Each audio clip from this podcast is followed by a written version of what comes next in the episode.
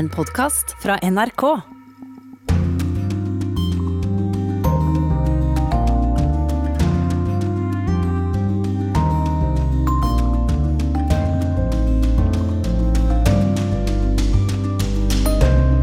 Fem millioner innesperra nordøst i Syria ber verdenssamfunnet om hjelp.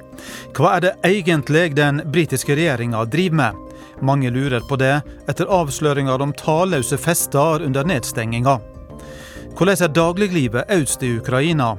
Vår reporter Morten Jentoft er med i studio etter å ha besøkt området. Dette er noe av det vi har å by på i Urix på lørdag i dag. Vi skal også høre at mange kvinner i Tyrkia blir drepne av ektefellene sine. Vi skal til USA, der prisene har gått kraftig i været under pandemien. Og høre siste nytt om arbeidet for fred i Venezuela.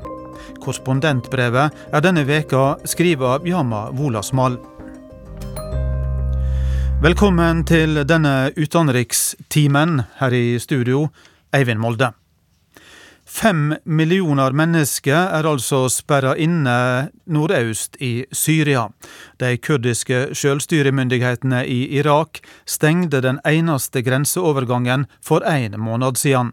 Nå ber lokale styresmakter i Nordøst-Syria verdenssamfunnet om hjelp. Det er 15. desember 2021. NRK er på vei ut av Nordøst-Syria etter en reportasjereise i området. Ved grensen mellom Syria og Irak blir vi sjekket grundig, og til slutt får vi lov til å passere. To timer senere blir vaktene ved denne grenseovergangen angrepet av ungdommer fra PKK. Selvstyremyndighetene i Irak svarer med å stenge grensen.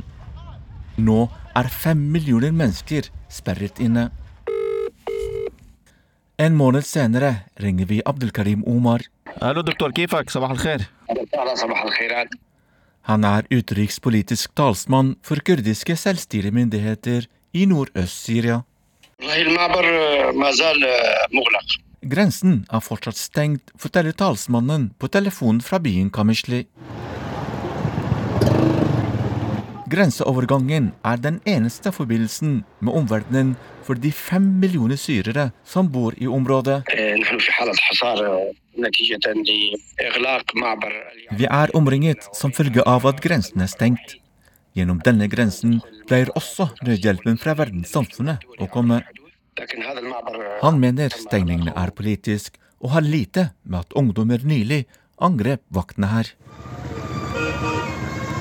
I sentrum av byen Amoda sliter syrere med økte matpriser og mangel på enkelte varer. Sier Salah Ali, som driver en matbutikk.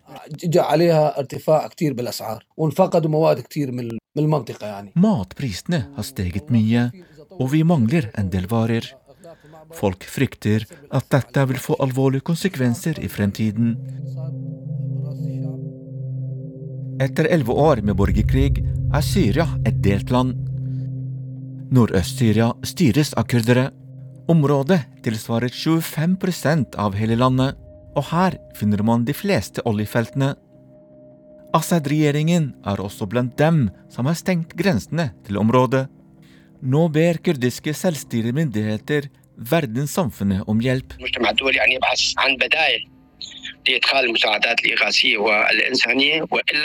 Verdenssamfunnet må finne løsninger og få nødhjelpen frem til området. Hvis ikke står vi foran en katastrofe, forteller Omar til NRK. Vi ringer Kadar Bire.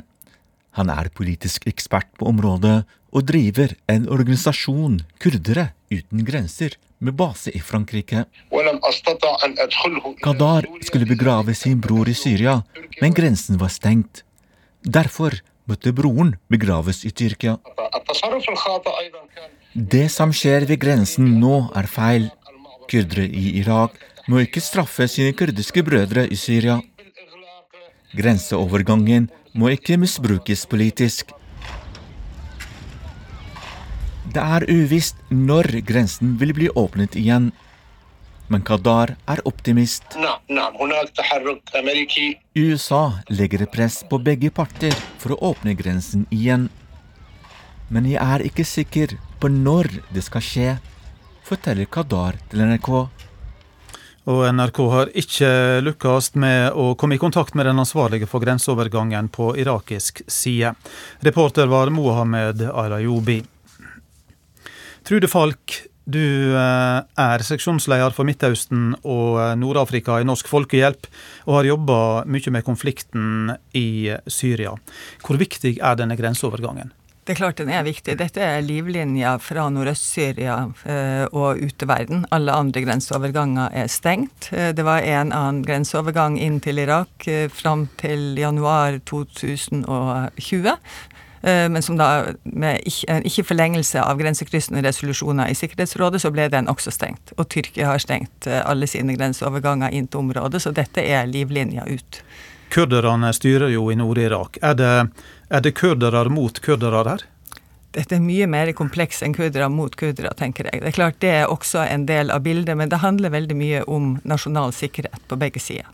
Det er mange interessenter i denne konflikten. Eh, Kurderne i Irak har allerede store sikkerhetsproblemer fordi de har PKK-aktivitet på sitt eget område og utsettes fra gjentatte angrep fra eh, Tyrkia, som også har etablert baser i irakisk Kurdistan. Så det er klart at det er De utsettes for et press og er interessert i at denne grenseovergangen ikke skal brukes på en måte som, ø som øker deres sikkerhetsrisiko. Jeg tror det, det er mye det er mye det som gjør at den, at den, stenges etter en sånn type sikkerhetsincident som den som skjedde, som i seg sjøl er alvorlig, men ikke burde føre til en måneds stengning av en grenseovergang. Men, men, hva er det med situasjonen nå som gjør at den faktisk da får den konsekvensen at de bestemmer seg for å stenge?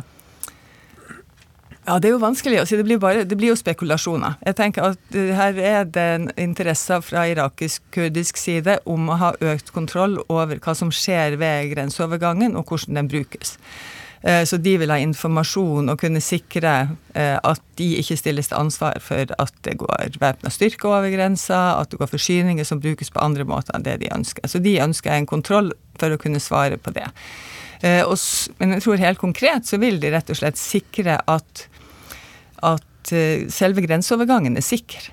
De, de ønsker at, eh, at demonstranter f.eks. ikke skal kunne bevege seg nært til grenseovergangen. Dette var jo demonstranter som gikk i, i, til angrep på, på, på, grensevakter på motsatt side.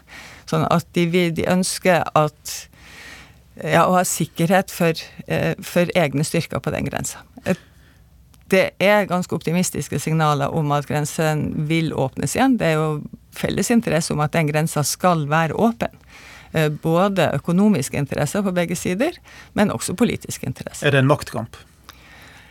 Nei, det, er jo, det er alltid maktkamp når det gjelder politikk. Eh, men det er ikke en, og det ligger også forhandlinger her mellom Eh, politiske aktører syrisk, eh, på syrisk side som er støtta fra de irakiske kurderne, og, og eh, PED, som da dominerer innenfor selvstyremyndighetene.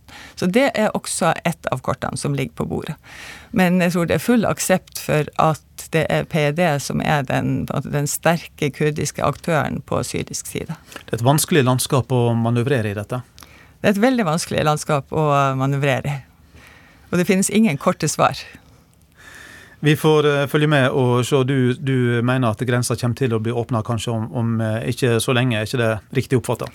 Jeg tror at grensa blir åpna igjen. Den har vært stengt flere ganger i løpet av de siste par årene, uh, med store humanitære konsekvenser, men jeg tror den åpnes igjen. Takk for at du kom i studio, Trude Falk fra Norsk Folkehjelp.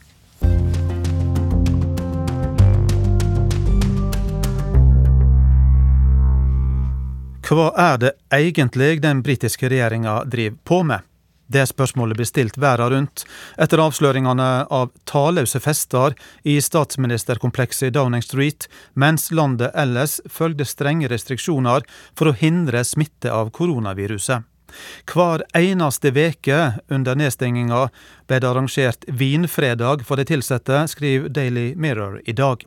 Vår Storbritannia-korrespondent tok seg en tur på puben i går kveld for å lodde den britiske feststemninga.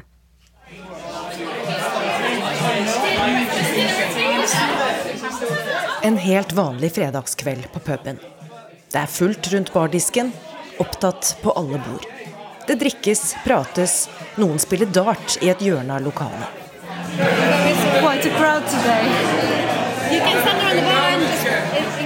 Også på statsministerens kontor kunne de ansatte få lette på trykket ved arbeidsukas slutt ved hjelp av alkohol og sosial omgang.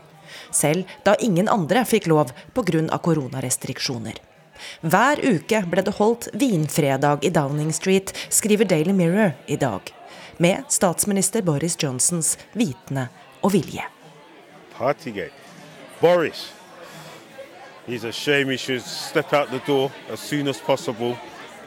And there's much more to come, so we just have a fun and listen to the comedy station. Oh my word. um, well, it's, it's horrific, isn't it? Men en fredagspils hører gjerne med i den britiske drikkekulturen, bekrefter folk jeg snakker med. Puben stenger tidlig, så det festes hardt og raskt. Men ikke gjennom pandemien. There is a party culture in this country, and we do like going to the pub, and we like going to the pub, and you know our pubs close early, so we go hard and we go early, and that's absolutely fine. But you know what? For all of 2020, I think I think I, I can count the number of times I went to a pub on one hand. Partygate. I mean, he's he's made a massive mess up, hasn't he? A huge mess up. But those parties, aren't they just a sign of a normal, a general sort of drinking and party culture here in the UK? But well, yeah, they are. But while the rest of us were being told that we couldn't do that, so that's unacceptable, really, isn't it? En vanlig fredag på puben, men ikke en vanlig uke i britisk politikk. Uka begynte med at ITV mandag avslørte at 100 ansatte ved statsministerens kontor ble invitert til hagefest i statsministerboligen da det var ulovlig å treffe mer enn ett annet menneske utendørs i 2020. Og oppfordringen sto svart på hvitt i invitasjonen ta med din egen alkohol. Mr. Speaker, I want to apologize. To dager senere innrømmet en angrende Boris Johnson at han selv var på festen. Da hadde tirsdagen gått med til rungende krav om at han måtte forklare seg, men Johnson viste seg ikke. Onsdag derimot sa han at han trodde det var et arbeidsmøte han var til stede på i 25 minutter, at det teknisk sett var et lovlig arrangement. Han beklaget at folk oppfattet det annerledes. And I know the rage they feel with me and with the government I lead when they think that in Downing Street itself the rules are not being properly followed by the people who make the rules. And though I cannot anticipate the conclusions of the current inquiry, I have learned enough to know that there were things we simply did not get right. And I must take responsibility. Det stilnet ikke kravene om at Boris Johnson bør trekke seg. Hele åtte ganger ble det fremmet i løpet av spørretimen i Underhuset, andre av opposisjonsleder Keir Starmer. Well, there we have it. After months of deceit and deception, yeah. the pathetic spectacle of a man who's run out of road. Yeah. His defense, his defense that he didn't realize he was at a party. It, it is so ridiculous that it's actually offensive to the British public. He's finally been forced to admit what everyone knew that when the whole country was locked down, he was hosting boozy parties in Downing Street. Yes. Is he now going to do the decent thing and resign? Torsdag avlyste Boris Johnson et planlagt oppdrag pga. koronasykdom i familien. Beleilig, mente enkelte journalister, som gjerne skulle stilt ham spørsmål om det pårørende og politiske motstandere opplevde som en halvhjertet beklagelse dagen før. Ja, ikke bare dem. Også folk fra Boris Johnsons eget konservative parti begynte å kreve hans avgang høylytt. Her er Douglas Ross, parlamentariker og leder for de skotske toryene. If the Prime Minister attended this gathering party event in Downing Street on the 20th of May, then he could not continue as Prime Minister. Morning, all. The Security Minister, Damien Hines, has told Sky News this morning he is shocked og så våknet vi altså opp i går til nyheten om at også mens det var landesorg, dagen før prins Philips bisettelse, ble det festet i Downing Street. To fester. en trillekoffert full av vin, DJ og dans. Så hardt gikk det for seg at Boris Johnsons sønn Wilfreds huske i hagen ble ødelagt. Bare timer senere satt dronning Elisabeth uten familien ved sin side i kirken da hun tok farvel med sin ektemann gjennom 73 år. Statsministeren var selv ikke til stede i Downing Street da dette skjedde. Statssekretæren, som ble sendt ut for å snakke på regjeringens vegne, Damon Hines, sa til Sky News at han var sjokkert. I myself am shocked to read, to read these allegations um, this morning. Utpå fredagen kom statsministerens kontor med en beklagelse overfor Slottet. Og så var det helg. Boris, that is a good comedy show. So what what next do you think? Who knows?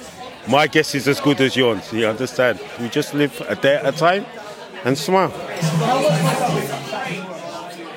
Ja, vi får bare følge med og smile, konkluderte en av de korrespondent Gry Blekastad Almås møtte i London. Partygate held altså fram for fullt.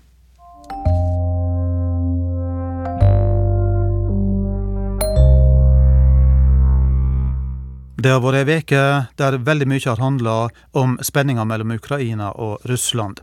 Kollega Morten Jentoft kom i går kveld tilbake etter ei uke på reise i Ukraina sammen med fotograf Lokman Gorbani. Det var, det var flere dager øst i landet, i områder som er kontrollert av russiskvennlige opprørsgrupper. Og For å oppdatere oss litt på fakta, så er det altså slik at provinsene Donetsk og Luhansk ligger helt øst i eh, Ukraina, tett inn mot grensa til Russland. De er delvis kontrollerte av det vi ofte kaller prorussiske opprørere, altså russiskvennlige opprørsgrupper. Etter å ha organisert ei folkeavstemning, så proklamerte de at området skal være uavhengig fra Ukraina. Det skjedde i mai 2014.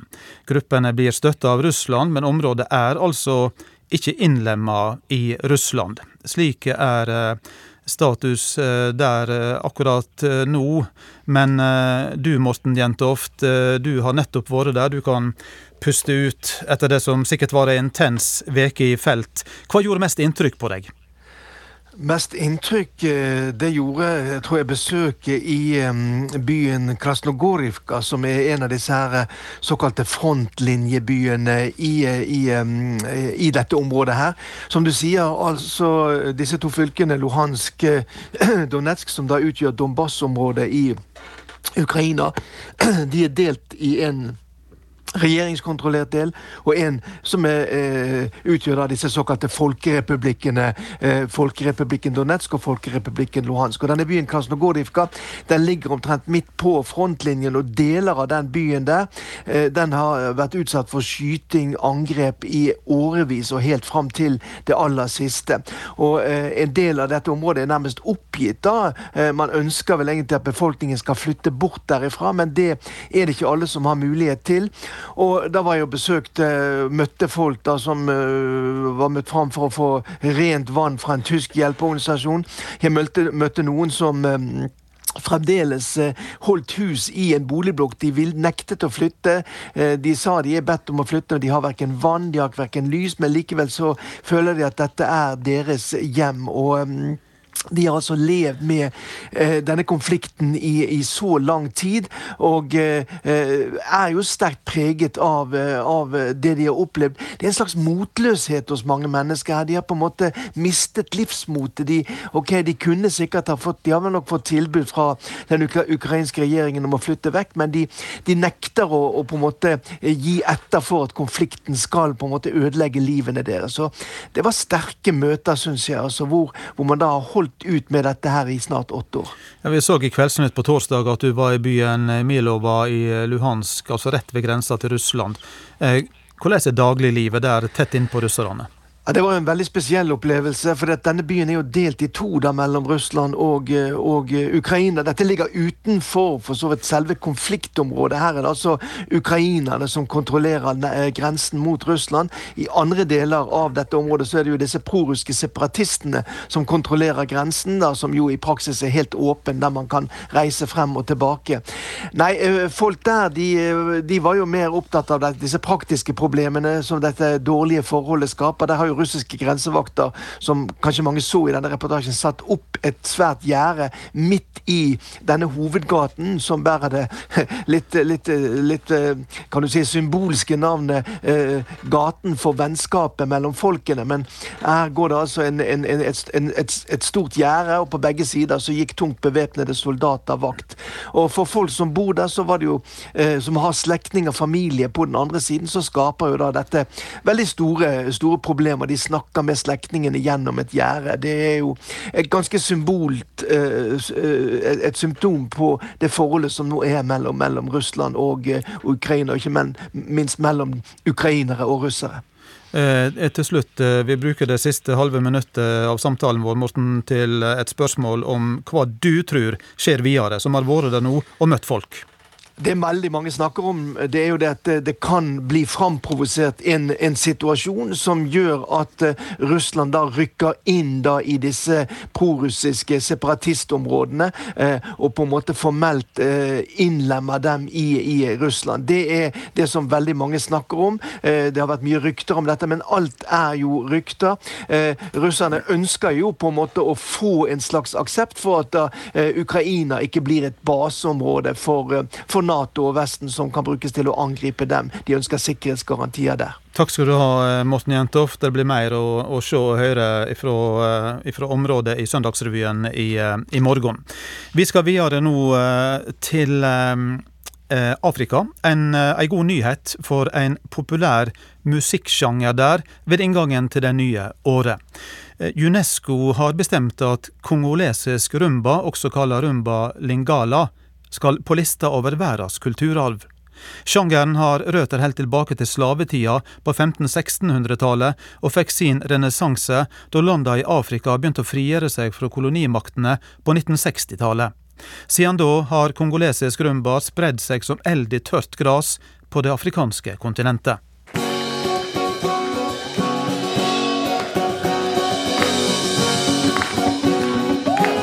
Musikken blir kalt kongolesisk rumba. Det er den dominerende dansebandmusikken i landene i Sentral-Afrika og Øst-Afrika. Her representert ved Papa Wemba.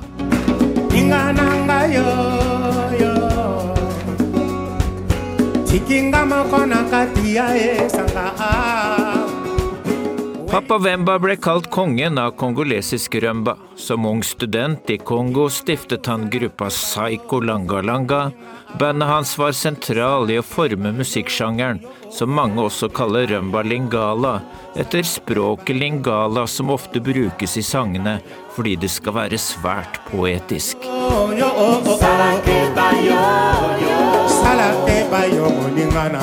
Salake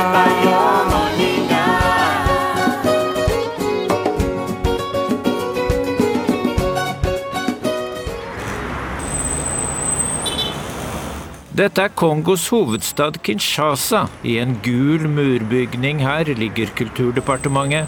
Sjefen her, kulturminister Katrin Katungo Furuha, sier at rumba lingala er langt mer enn sang og musikk.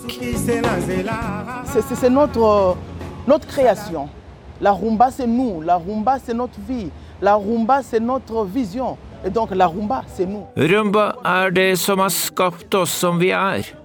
Rømba er en visjon. Rømba er livet, sier kulturministeren til nyhetsbyrået Reuters. Kongolesisk rømba, eller rømba lingala slik den er i dag, har en lang, kronglete og ganske smertefull historie. Helt tilbake til slavetiden. Nos ancêtres qui ont été déportés dans les Amériques au 15e siècle, 16e siècle, et qui sont allés soit en det startet med våre forfedre som ble deportert som slaver. De ble sendt til Amerika på 1500- og 1600-tallet. Det sier André Yoka, som er direktør på Kunstinstituttet i Kinshasa. Men le point focal, Cuba,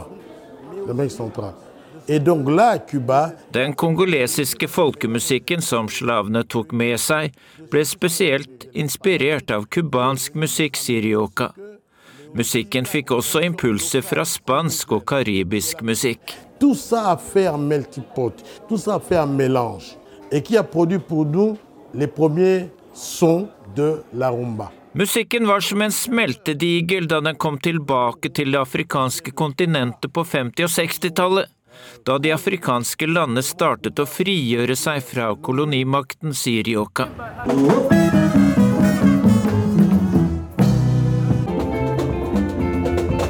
Dette er bandet Bana OK som spiller på et utested i Kinshasa. Vokalist er Manda Shante.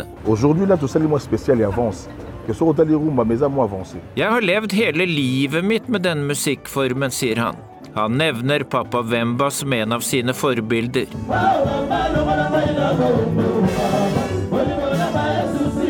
I kongolesisk rømba kan så å si alle instrumenter du har for hånd tas i bruk, sier han.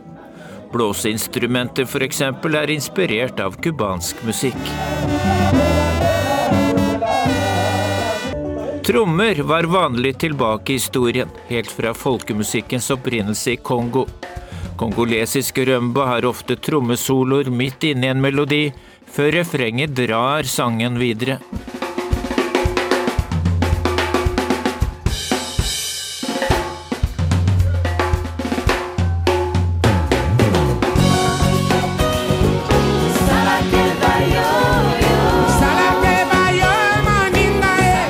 Kongolesisk rømba er svært populært ikke bare i de to Kongolandene med hovedstedene Kinshasa og Brazzaville, men også i landene i Øst-Afrika. Utesteder i storbyer som Nairobi og Mombasa i Kenya og Kampala i Uganda domineres av det de der kaller rumbalingala.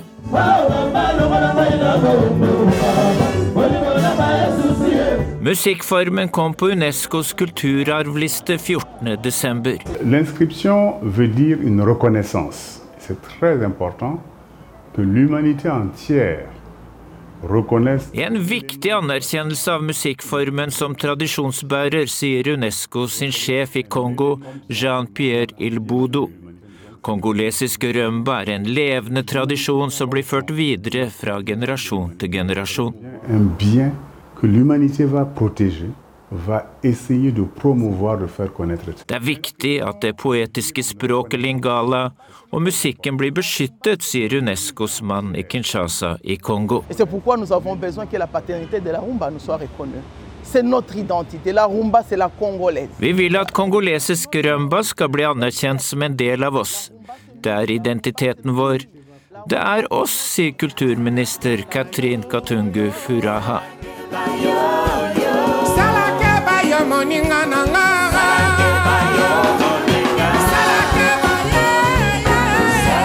Papa Wemba, som vi har hørt synge i dette innslaget, og som har inspirert mange, døde for fem år siden. BBC skriver at det siste han hørte var kongolesisk rømba, spilt av sitt eget band. Papa Wemba fikk hjertestans da han sto på scenen under en konsert i april 2016, 67 år gammel. Sangtradisjonen han framførte, lever videre, nå beskyttet som Unescos kulturarv.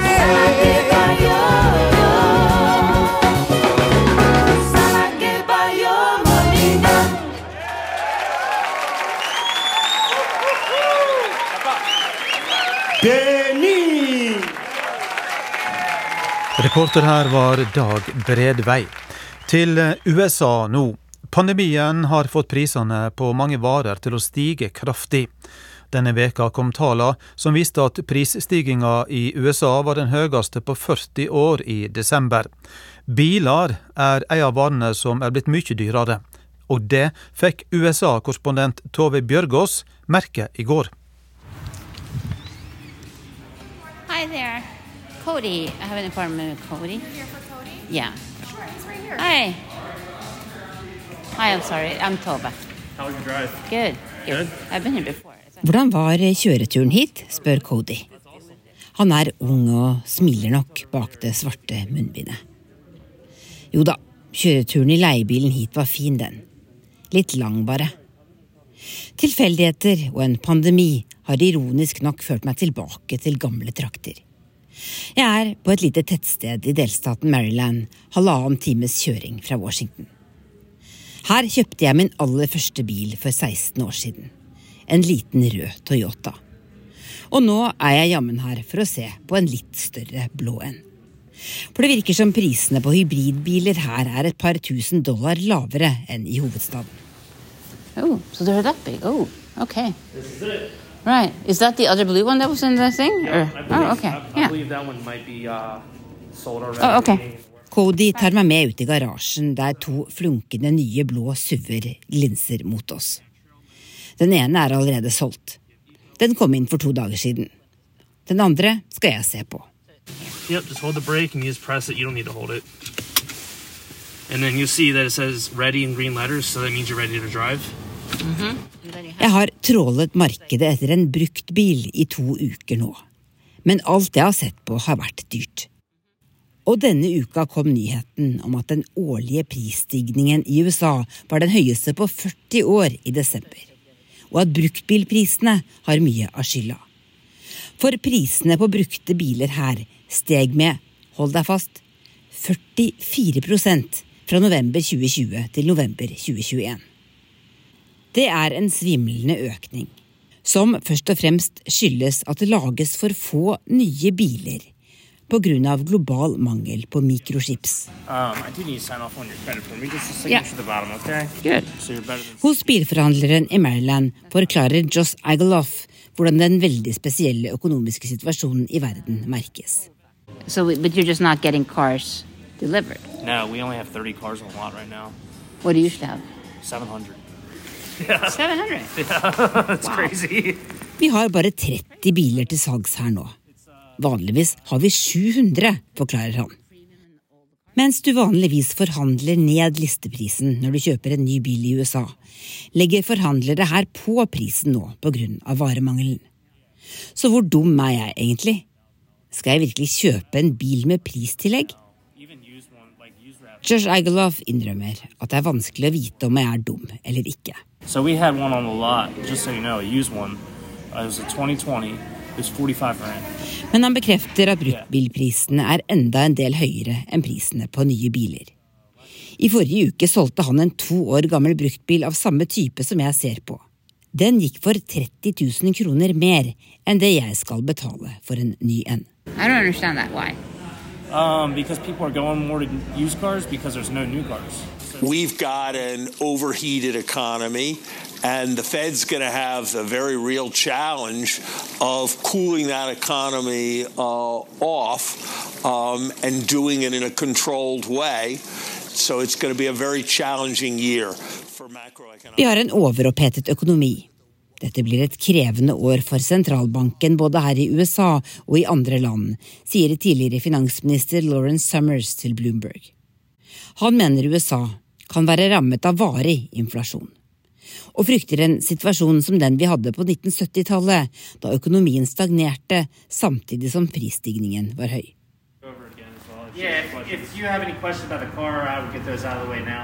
Hos bilforhandleren i Maryland har verken jeg eller Cody, som selger biler, stort å klage over. Han tjener godt på å selge, og jeg har råd til å kjøpe. Jeg skriver en sjekk med litt vond smak i munnen, og får overrakt nøklene til min splitter nye Toyota. Da har jeg faktisk fått meg en bil. Dyr. Jeg tror fortsatt den koster sånn 200 000. Mindre enn hjemme, kanskje, men eh, Men mens jeg kjører over jordene hjemover, tenker jeg på bobler som sprekker og bilpriser som stuper. Det er jammen rare tider vi lever i.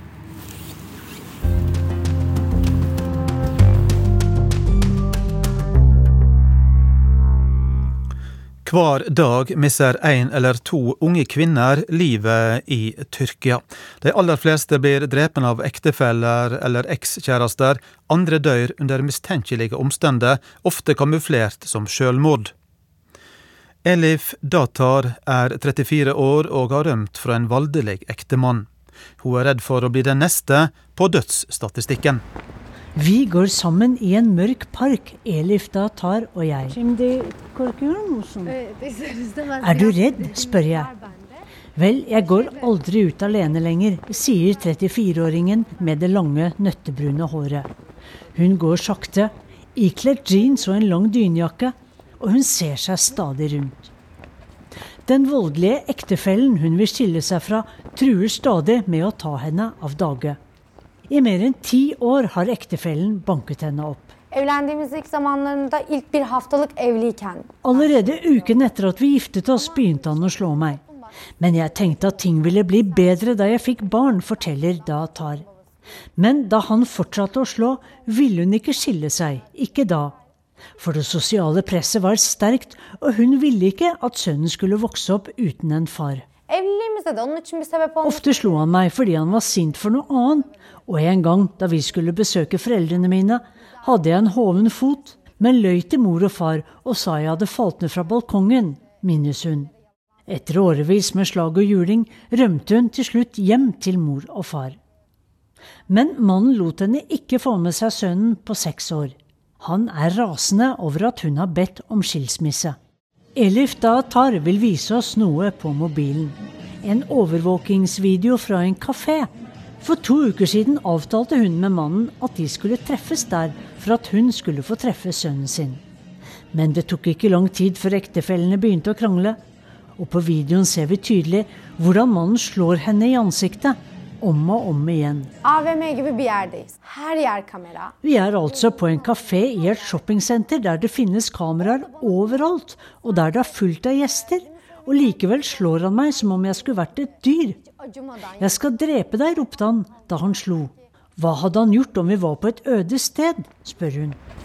Denne mørke vinterkvelden virker den lille parken her i Istanbul skummel. Og jeg føler et ubehag hver gang vi ser silhuetter av ukjente personer komme gående mot oss i mørket. Også jeg er redd for at mannen hennes skal hoppe frem fra et tre og skyte henne. I fjor ble 500 unge kvinner funnet døde i Tyrkia. Over halvparten av dem ble skutt eller slått i hjel av menn i nære relasjoner. Andre mistet livet på uforklarlig vis. De falt ut fra balkonger, ble utsatt for brannskader eller andre ulykker. Felles for dem var at svært mange hadde bedt om skilsmisse. Men hvorfor er skilsmisse så vanskelig i Tyrkia? Jeg spør advokat Ipek Buskurt, som har spesialisert seg på voldssaker og kvinnedrapssaker. The, the current government proclaims that family is the sacred form. Våre politiske ledere hevder at familien er en hellig enhet i samfunnet, og at familier derfor ikke må brytes opp. Tanken er at kvinnen skal holde seg hjemme, føde barn, og menn kan nærmest gjøre hva de vil med dem. Men kvinner vil styre sitt eget liv, sier Buskurt. Hun bekrefter at antall drap på kvinner har steget mye de siste 10-15 årene. Altså under president Erdogans konservative styre. So, unless you change the training books and like the teaching material of these little kids, you change the language of uh, all these politicians. Om du ikke legger om det konservative språket i skolebøkene, blant politikere, på TV og hos politiet, blir det umulig å oppdra små gutter til å respektere kvinner når de blir voksne, mener Buskurt.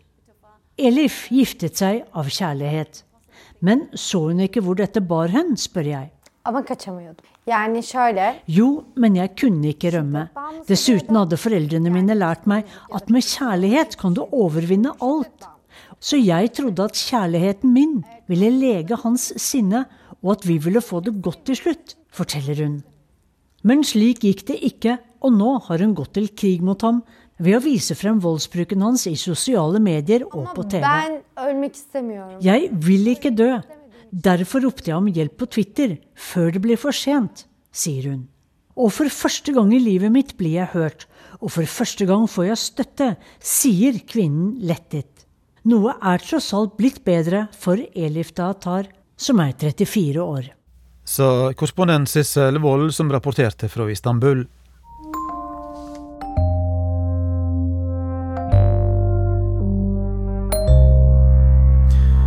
Nå til status for fredsforsøka i Venezuela. Norge jobber for å få rivalene til forhandlingsbordet så snart som mulig. Regimet forlot samtalene for tre måneder siden, tilsynelatende fordi de mener USA torpederer prosessen. Urix på lørdag har snakka med USA sin siste utsending til Venezuela. Han peker på regimet som problemet, og tror ikke at Norge kommer i mål med det første. Sooner or later, there is likely to be a negotiation. The one in Barbados was not useful. Maybe this one will prove not to be useful either. Han ses på som en konservativ hauk. Elliot Abrams. Han har gitt råd til republikanske presidenter siden Reagan, og var president Donald Trumps spesialutsending til både Iran og Venezuela.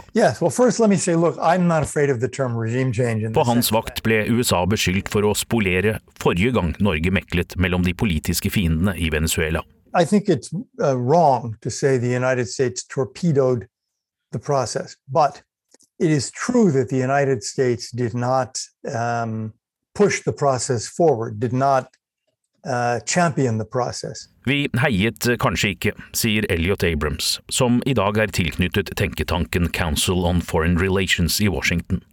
Han sier at det var en konflikt mellom Det hvite hus og Utenriksdepartementet, mellom ham og John Bolton, John om forhandlingene i 2019 skulle støttes, om det var i USAs interesse. Since we disagreed, the end result was a U.S. policy of basically doing nothing. No me queda duda de que fue un sabotaje del gobierno de los Estados Unidos contra los Igjen beskyldes USA for å sabotere. Venezuelas regjering er fortsatt rasende over arrestasjonen, eller bortføringen som de kaller det, av forretningsmannen Alex Saab.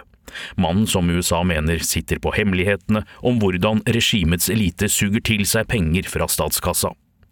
I oktober i fjor forlot Venezuela de norskledede samtalene, og sier utad i et fargerikt språk at de ikke vil komme tilbake til bordet før Saab er fri. para que se incorpore a la mesa de diálogo con las oposiciones. Dette er regjeringens sjefforhandler Jorge Rodriguez på talerstolen i nasjonalforsamlingen, den som støttes av regimet, ikke opposisjonen. Rodriguez stiller betingelser for å gjenoppta dialogen. Samtidig melder nettstedet Ronrones at Rodriguez for et par dager siden forsikret Norge om at regimet kommer tilbake snart. NRK har spurt Utenriksdepartementet, som eh, svarer at Norge fortsetter å jobbe for at partene kan returnere så snart som mulig, til det beste for det venezuelanske folk. Inkluderende forhandlinger er den eneste løsningen for Venezuela, er Norge fremdeles overbevist om, heter det. Det er gledeshyl. Opposisjonen feirer i gatene med bygg fra den spanske kolonitida og veggmalerier av Hugo Chávez, en sjelden valgseier for noen dager siden. Symbolsk viktig, fordi de vant en guvernørpost i et omvalg. Marina está marcando historia para el resto de Venezuela y el resto del mundo, porque sí se puede lograr salir del... Barinas skaper historie. så Rangel Reyes smiler til nyhetsbyrået Aps kamerateam. Hun har vært med å stemme fram opposisjonens kandidat i Hugo Chávez fødeby, chavismens vugge i Venezuela. Hun håper bølgen snur ved neste valg, for i fjor høst vant regimet nesten overalt. Men fem millioner andre venezuelanere har allerede reist fra det oljeproduserende landet pga. den politiske og økonomiske krisa, som Norge prøver å finne en løsning på. If the opposition concludes that the pluses are greater than the minuses, even by a little bit, okay. Elliot Abrams støtter forhandlingene, sier han. Fordi opposisjonen mener det er verdt å gjøre et forsøk. The opposition. Han tror derimot ikke at de blir enige nå, men først litt skryt til Norge. My experience with the Norwegian negotiators is that they're very professional, very smart. They know a lot about Venezuela now. You know, no one is fooling them. They're not um, kind of um, hopeless utopians or idealists. They know what they're doing. Så det handler ikke om Norges innsats, sier USAs foreløpig siste utsending til Venezuela. Biden-regjeringen har ikke erstattet ham. Biden administration is much less interested in Venezuela. Et tegn på at Venezuela ikke er like viktig for Biden som for Trump, mener Abrams. En postkasse som er fjernet om noen vil påvirke eller vite mer om USAs holdninger. Men om forhandlingene. Så lenge partene er fornøyd, er det jo bare å snakke. Sooner or later, I think, and it you know, unfortunately, it may be a long time from now, there will be a successful negotiation. If you think of Latin America in the Grunnen til pessimismen er at eh, Trumps mann mener makthaverne i Venezuela ikke er som Latin-Amerikas generaler på 1970- og 80-tallet, som forhandlet seg ut av diktatur mot eh, straffefrihet, eh, amnesti. Why doesn't that work in Venezuela? Why has it not worked in Venezuela? I think this is not a military dictatorship. It's a criminal regime. It's a criminal mafia. Han kaller det en mafia som driver med korrupsjon og narkotrafikk. Folk som kommer til å ende opp i fengsel når de mister makta.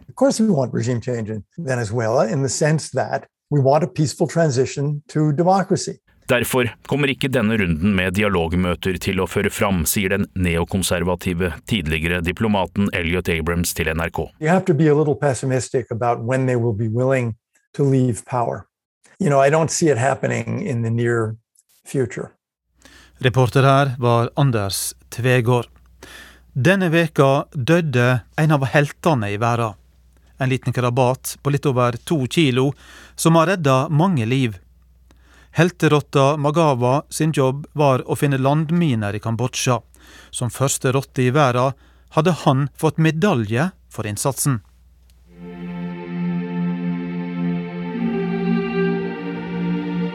Heroes come in all shapes and sizes, but all of them have big hearts and brave spirits. Helter kommer i alle former og størrelser, blir det sagt i denne videoen. Og helten i denne historien er ikke store karen.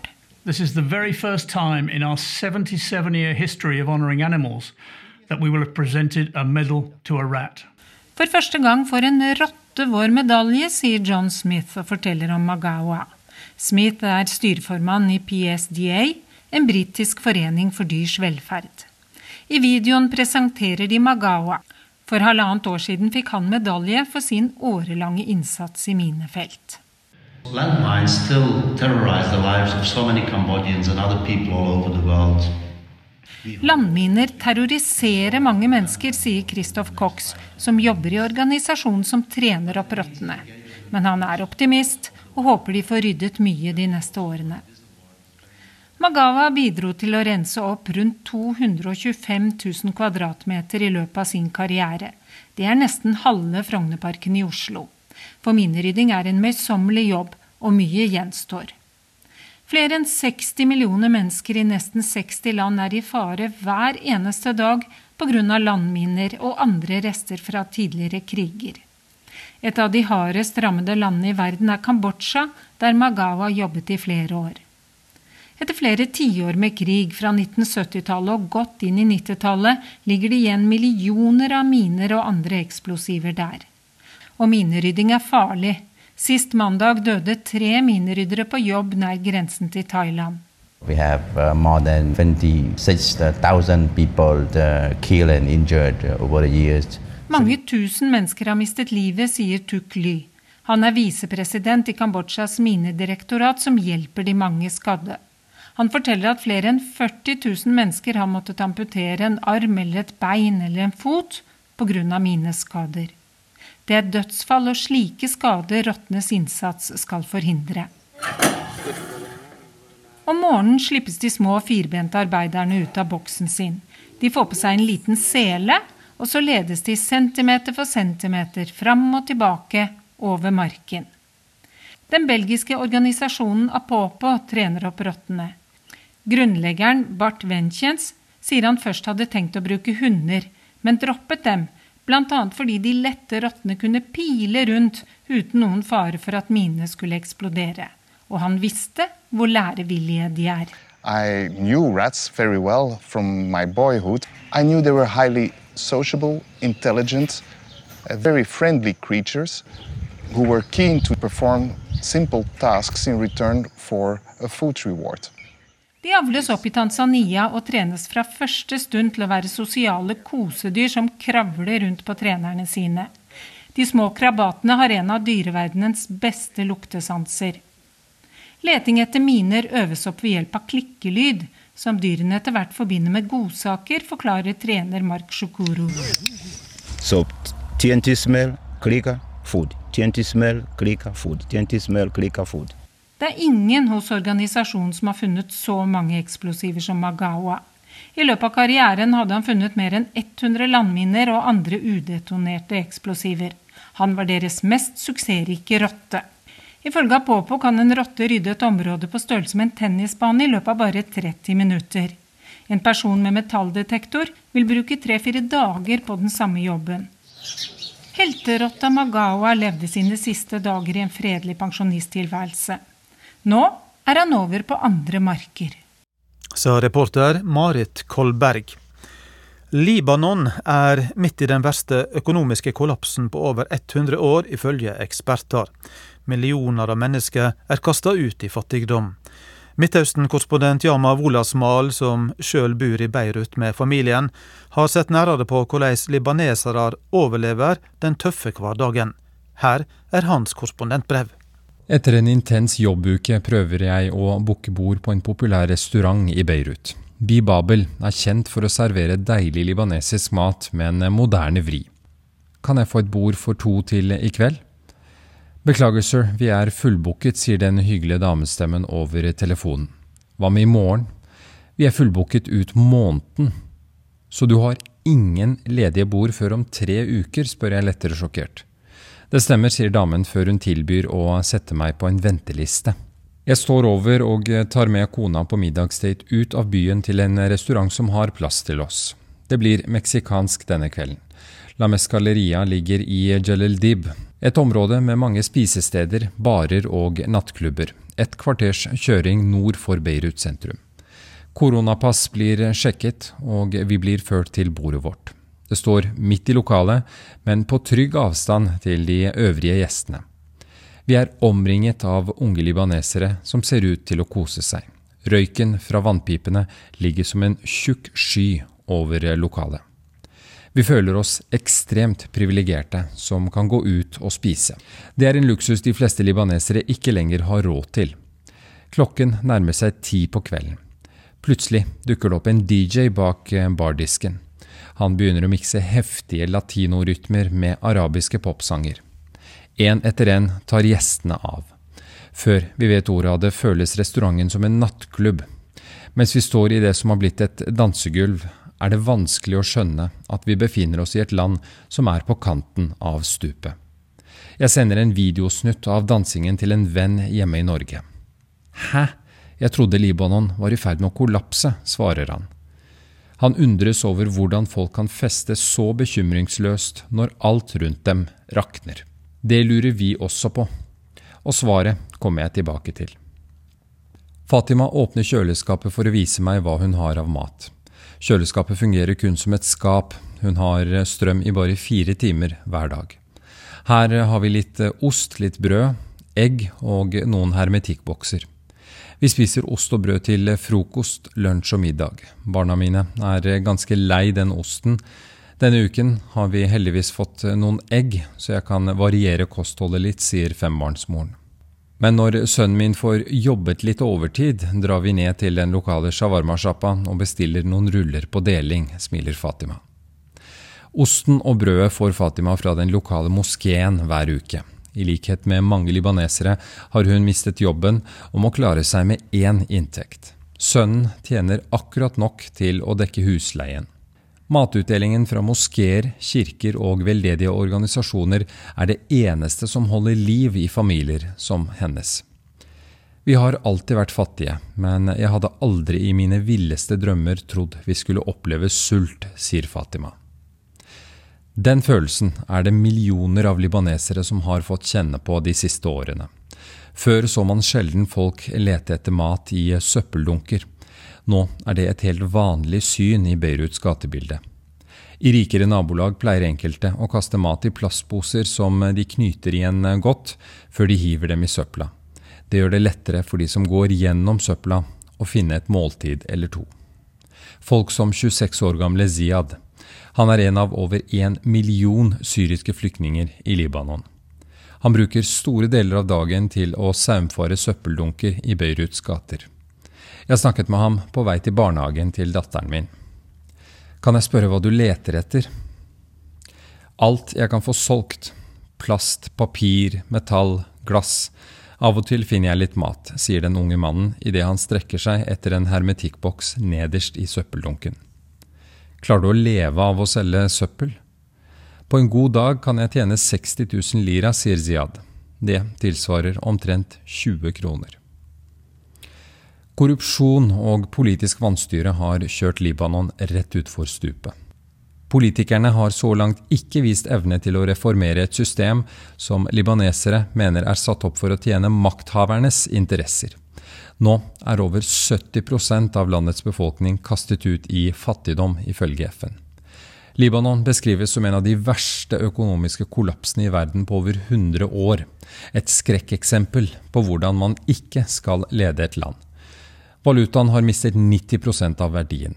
Prisen på f.eks. matvarer er seksdoblet på to år. Drivstoff som brukes til å drive alle aggregatene som gir strøm, er mer enn firedoblet. Da jeg flyttet til Libanon høsten 2020, fylte jeg tanken for 90 kroner. I dag koster det samme, nesten 500 kroner. Både rike og fattige merker krisene på kroppen. Ingen slipper unna. Jeg møtte Costa Konstantin, en suksessrik ingeniør, for ett år siden. Han er medeier i et stort aircondition-selskap, før krisene levde han et liv i sus og dus. Han tjente nesten 100 000 kroner i måneden, inkludert bonusene han fikk. Firebarnsfaren og familien reiste verden rundt på ferier. Nå har inntekten rast ned til knappe 7000 kroner. Hvordan i all verden klarer man å overleve et slikt inntektstap, spør jeg. Du blir nødt til å gjøre beinharde prioriteringer. Alt av luksus er borte, og vi lever fra hånd til munn, sier Costa. Likevel priser Costa seg lykkelig. Vi har det heldigvis mye bedre enn de fleste andre. Jeg har en nedbetalt bolig og bil. Jeg har en inntekt som gjør at jeg i det minste kan sende barna mine på skole og gi dem mat på bordet. Jeg takker Gud for det, sier den dypt religiøse katolikken. Hvordan takler barna dine den tøffe overgangen fra et liv i overflod til nøkternhet? Det har gått overraskende bra, kanskje fordi vi gjør eh, alt vi kan for å skjerme dem for krisene. Jeg har f.eks. installert et avansert solcellesystem i huset som gir oss elektrisitet og internettilgang selv når strømmen går. Vi prøver også å gi dem små gleder i hverdagen, som å ta en tur til et lekeland eller dra på en restaurant en gang iblant. Det er nettopp det som kjennetegner libanesere så godt. De har en unik evne til å finne løsninger og tilpasse seg helt ekstreme situasjoner. Jeg har aldri opplevd slik tilpasningsdyktighet. Libanesere virker uknekkelig. De er et livsglad folk som vil prøve å nyte de små gledene i hverdagen, selv når livet ser bekmørkt ut. Fra fattige Fatima som tar med barna til shawarma-sjappa, til ingeniøren Costa som drar med familien på lekeland. Når vi har det tøft i Norge, får vi beskjed om å ta det med ro og trekke oss litt tilbake. I Libanon går de som har råd til det, ofte ut for å takle stresset i hverdagen. Uttrykket 'å leve i nuet' må ha sitt opphav i Libanon, tenker jeg. For her tar folk dette bokstavelig. De gjør det beste ut av øyeblikket de står i. De som festet rundt oss på den meksikanske restauranten som om det ikke var en morgendag, gjør det fordi de virkelig ikke aner hva slags problemer de vil våkne til dagen etter. Vil vi ha en jobb å gå til? Hvor mye dyrere blir bensinen? Vil vi ha råd til å sende barna på skole? Etter over ett år i Libanon opplever jeg at denne særegne overlevelsesmekanismen har blitt som en slags forbannelse for libanesere. Det er vel og bra at de gang på gang viser at de tilpasser seg, og at de klarer å manøvrere seg gjennom de politikerskapte krisene noenlunde helskinnet.